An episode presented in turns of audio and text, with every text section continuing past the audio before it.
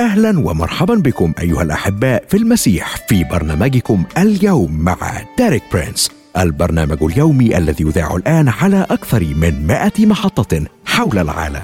في فبراير من عام 1979 كان ديريك برينس يتأمل كلمات سفر أعمال الرسل الأصحاح الأول والآية الثامنة. لكنكم ستنالون قوة متى حل الروح القدس عليكم وتكونون لي شهودا في أورشليم وفي كل اليهودية والسامرة وإلى أقصى الأرض. وقتها قال ديريك برينس بدا لي بأن الخدمة الخاصة بي كانت فعالة في أورشليم أي في الأماكن الأقرب إلي لكنها لم تصل بعد إلى السامرة ولا إلى أقصى الأرض أي لم تصل بعد إلى كل العالم. ولم أتمكن حتى الآن من توصيل كل الحقائق التي تعلمتها من الله خلال أربعين عاما في الخدمة معه ولأجل الوصول إلى كل العالم بدأ بث برنامج اليوم مع ديريك برينس. اليوم نقدم لكم هذا البرنامج باللغة العربية. راجين من الله أن يكون سبب خير وبركة لكم ولبيوتكم ولخدمتكم.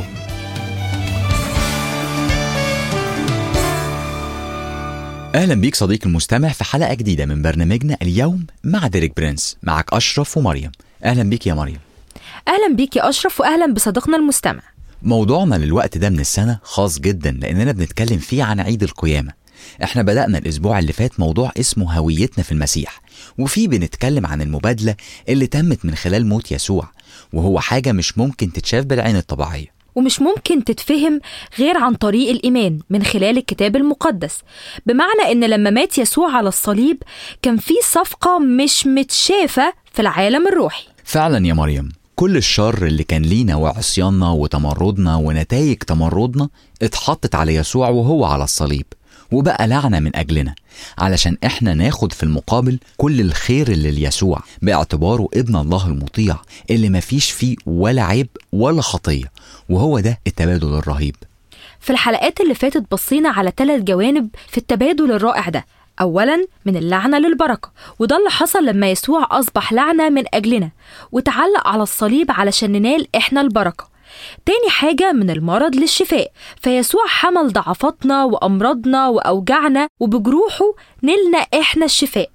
تالت حاجة من الفقر للرخاء. لما اتعلق يسوع على الصليب قضى على لعنة الفقر اتأملنا يا مريم في الحلقة اللي فاتت في لعنة الفقر الجوع والعطش والعري والعوز وده اللي حصل مع يسوع على الصليب بالظبط وحرفيا. كان جعان وعطشان وعريان وكان محتاج حاجات كتير. وده ما كانش صدفة أبدا لكنه كان جزء من التصميم الإلهي الرائع. حلت لعنة الفقر على يسوع بالكامل وفي المقابل نلنا إحنا البركة والغنى بالإيمان. حلقتنا النهاردة بقى يا مريم هو جانب رابع للتبادل اللي تم على الصليب والانتقال من الرفض للقبول. تعالى يا أشرف نروح مع بعض نبدأ حلقتنا مع ديريك ونسمع هو هيقول لنا إيه. يلا بينا. أحتاج أن أبدأ اولا بشرح ما أعنيه بالرفض. فهذا الأمر نختبره جميعنا وفي بعض الأوقات لا يمكننا تمييزه. أنا شخصيا أود أن أقول إن الرفض هو المشكلة العاطفية والروحية الأكثر شيوعا وسبب المعاناة في ثقافتنا المعاصرة. ما الذي أعنيه بالرفض؟ يمكن تعريف الرفض بعدة طرق وبعبارات مختلفة. بشكل أساسي الرفض هو الشعور بأنك غير مرغوب فيه. لا تستحق ولا تنتمي وأن يتم استبعادك بطريقة ما. أفكر في الشخص الذي يعاني من جرح الرفض هذا على أنه شخص دائما ما ينظر إلى الداخل. الشخص الذي يرغب في أن يكون منطويا بمفرده. الشخص الذي يرغب في أن يكون جزءا من العائلة مشاركا الآخرين في الفرح ليجد القبول الذي هو جزء من الحب ولكن دائما ما يشعر بأنه غير قادر أو لا يستحق القبول. ومع الرفض هناك العديد من الأشياء الأخرى مثل الوحدة والبؤس والشفقة على الذات وفي كثير من الأحيان أشياء أكثر ألما مثل اليأس والانتحار ولكن الكل ينبع من هذا الجذر المر للرفض. حالة الرفض دي يا أشرف بنقدر نشوفها في أماكن مختلفة في الكتاب المقدس. لكن في نوع من الرفض العام بيحس بيها كل اللي ملهمش علاقة مع ربنا. وده اللي بيوصفه بولس بوضوح في رسالته لأفسس إصحاح 2 والعدد 12 بيتكلم بولس هنا لمجموعة من المؤمنين من خلفية مش يهودية وبيقول لهم كده أنكم كنتم في ذلك الوقت بدون مسيح أجنبيين عن رعوية إسرائيل وغرباء عن عهود الموعد لا رجاء لكم وبلا إله في العالم. كلمات رهيبة جدا جت في النهاية. من غير رجاء ومن غير إله. فعلا كل اللي هم من غير المسيح هم بدون رجاء ومن غير إله. بيكون زي الأجنبي غريب يتيم. شخص مش لاقي حد يوفر ليه احتياجاته بالكامل.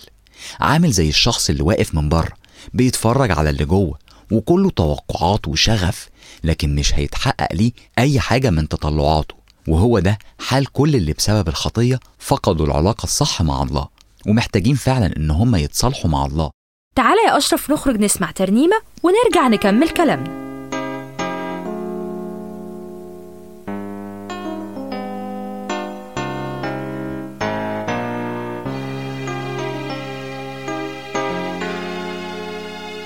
جايلك يا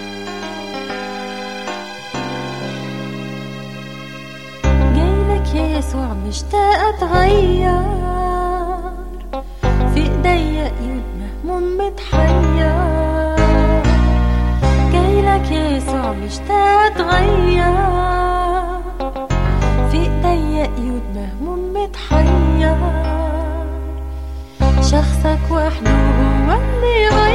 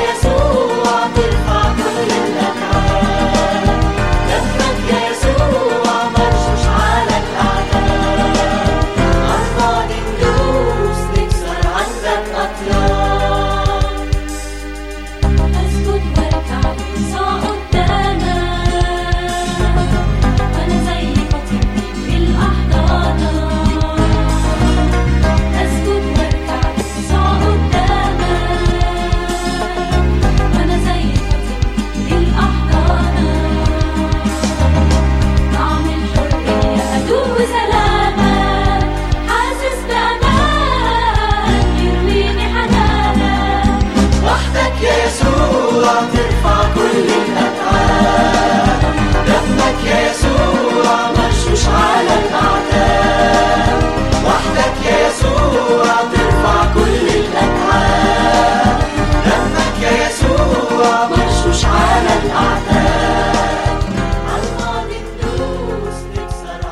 رجعنا مرة تانية صديقنا المستمع بعد الترنيمة ومكملين في موضوع حلقتنا النهاردة من الرفض للقبول.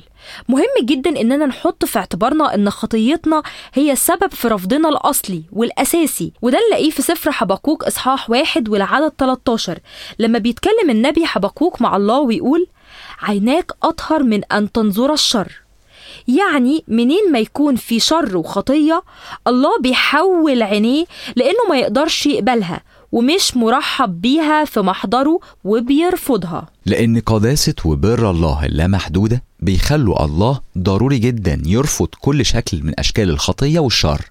وللسبب ده إحنا كنا مرفوضين غرباء ملناش انتماء. لكن نشكر ربنا ان موت يسوع غير كل ده. وده اللي بيتكلم فيه بولس الرسول في رسالته لأهل أفسس إصحاح 2 والعدد 13 ولكن الآن في المسيح يسوع أنتم الذين كنتم قبلا بعيدين صرتم قريبين بدم المسيح. هو ده التحول اللي حصل من الرفض للقبول. كنا بعيد وكنا بره عيلة الله. ما كانش لينا انتماء. كنا أجانب غرباء ملناش أي حقوق. ولما كنا بنروح لله كنا بنروح ليه زي الشحاتين مش كأولاد ليه. لكن من خلال موت يسوع ودمه المسفوك إحنا اللي كنا بعاد أصبح ممكن إننا نقرب من ربنا. وتحولنا من حالة الرفض بسبب خطيتنا وتمردنا لحالة قبول وتصالح. ديريك يا أشرف حابب يشاركنا بجزئية مهمة. تعال بينا نسمعها مع بعض. يلا بينا. جعل يسوع هذا التحول من الرفض إلى القبول ممكنا لأنه تحمل رفضنا على الصليب. في الواقع كان هذا الألم لا يحتمل. كان هذا هو الشيء الذي كسر قلبه وتسبب في موته. يمكننا أن نرى هذا بوضوح في الأناجيل في قصة الصلب. دعونا نقرأ ما جاء في إنجيل متى الأصحاح السابع والعشرين العدد الخامس والأربعين والسادس والأربعين. في قصة الصلب إذ نقرأ ومن الساعة السادسة كانت ظلمة على كل الأرض إلى الساعة التاسعة ونحو الساعة التاسعة صرخ يسوع بصوت عظيم قائلا إيلي إيلي لما شبقتني؟ هذه كانت باللغة الآرامية وتم الاقتباس من المزمور الثاني والعشرين وتعني إلهي إلهي لماذا تركتني؟ يلمس قلبي دائما أن يسوع صرخ باللغة الآرامية. أعتقد أن الحقيقة العلمية فيما يتعلق بالفهم والإدراك والخبرة حين يتعرض الناس لألام مع اليأس وخاصة عند الموت فإن أذهانهم تعود إلى اللغة التي تعلموها اولا في طفولتهم وهو ما فهمته هنا حين استخدم يسوع لغته الأم اللغة التي تعلمها في بيته فصرخ عاليا ولكن ليس لأحد من البشر بل لله. إلهي إلهي لماذا تركتني؟ تذكر أنه لم يتلقى أي رد من السماء. كانت هذه هي المرة الأولى التي يصلي بها يسوع أو يصرخ إلى الآب ولا يتلقى ردا على الفور لصلاته.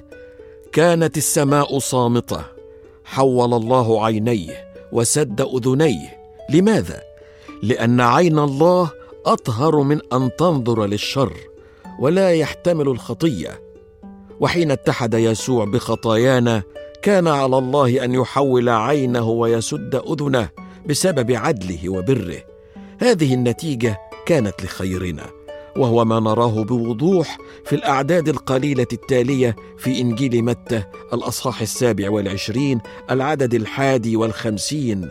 وإذا حجاب الهيكل قد انشق إلى اثنين من فوق إلى أسفل. الحجاب هنا يا مريم كان بيمثل الحاجز بين الله القدوس والإنسان الخاطي لكن من خلال موت يسوع ولأنه حمل رفضنا فإحنا أصبح لينا قبول عند الله. كان الدليل على القبول ده هو إن الحجاب انشق وهو ده اللي حصل بالظبط. الكتاب المقدس بيذكر لينا إن الحجاب انشق من فوق لتحت. وده ما حصلش بفعل إنسان لكنه تم من خلال الله. يسوع احتمل رفضنا عشان يدينا فرصة إننا ندخل لمحضر ربنا والقبول اللي تم من خلال موت يسوع وصفه بولس في أماكن مختلفة وبالأخص في رسالته لأهل أفسس إصحاح واحد ومن العدد أربعة لعدد ثمانية. كما اختارنا فيه قبل تأسيس العالم لنكون قديسين وبلا لوم قدامه في المحبة. مش دي حاجة حلوة يا مريم إننا نكون قديسين من غير لوم في عين الله؟ إزاي يعني كنا هنقدر نحقق ده بمجهودنا الذاتي؟ ما كانش سهل خالص إلا من خلال المبادلة بموت يسوع. يكمل ويقول إذ سبق فعيننا للتبني بيسوع المسيح لنفسه حسب مسرة مشيئته. ملاحظة إننا هنكون أبناء مش أجانب ولا غرب لكن بقينا أعضاء في عيلة الله. الله بقى هو أبونا. والسما بقت بيتنا وبيكمل بولس ويقول لمدح مجد نعمته التي أنعم بها علينا في المحبوب. بحب قوي الكلمات دي. جعلنا الله مقبولين في المحبوب. وهي دي الترجمة المباشرة والعملية لموضوعنا النهاردة. من الرفض للقبول كأبناء لله. أعضاء في عيلته وفي عدد سبعة بيقول بولس كده. الذي فيه لنا الفداء بدمه غفران الخطايا حسب غنى نعمته التي أجزلها لنا بكل حكمة وفطنة. تاني يا أشرف بيأكد على النعمة. محتاجين نعرف كويس إن النعمة مش ممكن حد يستحقها بنفسه. وبيأكد كمان على الفداء اللي حصل بدم يسوع. الفداء من اللعنة علشان نتمتع ببركة الله. الفداء من الرفض والتمتع بالقبول. للأسف وقت حلقتنا انتهى. لكن هنتقابل الحلقة اللي جاية من برنامج اليوم مع ديريك برينس علشان نتأمل في اللي حصل على الصليب. صديقنا المستمع كنا مبسوطين إننا موجودين معاك النهاردة. ونتقابل مع بعض في الحلقة الجاية. كان معاك مريم وأشرف. مع السلامة.